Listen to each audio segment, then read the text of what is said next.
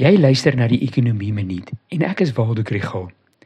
Die resultate van die kwartaallikse arbeidsmagopname word vandag bekend gemaak en almal is bekommerd dat die werkloosheidskoers nog slegter gaan lyk. In die eerste kwartaal het dit volgens die eng definisie op 32,9% gestaan. Ek kan weer praat oor stadige ekonomiese groei as gevolg van beerdkrag ensovoorts. Maar net 'n deel van Suid-Afrika se werkloosheidsprobleem is siklies Die groter vraagstuk is die oorsake en oplossings van die strukturele komponent van werkloosheid.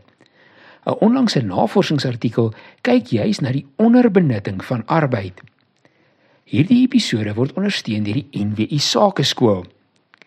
Die benutting van arbeid word gemeet as die totale aantal ure gewerk deur die bevolking tussen die ouderdom van 15 en 74 jaar. As mens die grootte van die ekonomie en produktiwiteit in ag neem, bly Suid-Afrika 'n uitskieter met lae benutting van arbeid. Dit is die gevolg van verskillende faktore, soos swak onderwysuitkomste, 'n groot deel van werksoekers wat in afgeleë plekke bly, 'n onbuigsame kollektiewe bedingingsstelsel met hoe wat hoë lone op klein ondernemings afdwing, komplekse regulasies en baie rompslomp wat die koste om besigheid doen te verhoog. Die artikel argumenteer dat arbeidsbeleid oor die afgelope dekade nie gehelp het om hierdie probleme aan te spreek nie.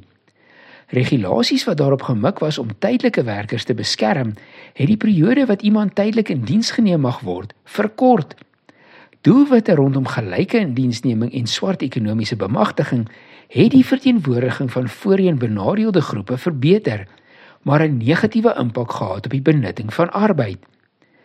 Die beleidsaanbevelings is stappe wat daarop gemik is om die arbeidsmark meer mededingend te maak.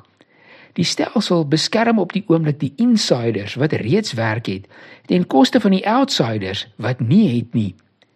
Die regulering is nodig saam met toepaslike naskoolse opleiding en 'n ligter las van regulering op klein besighede wat werk skep.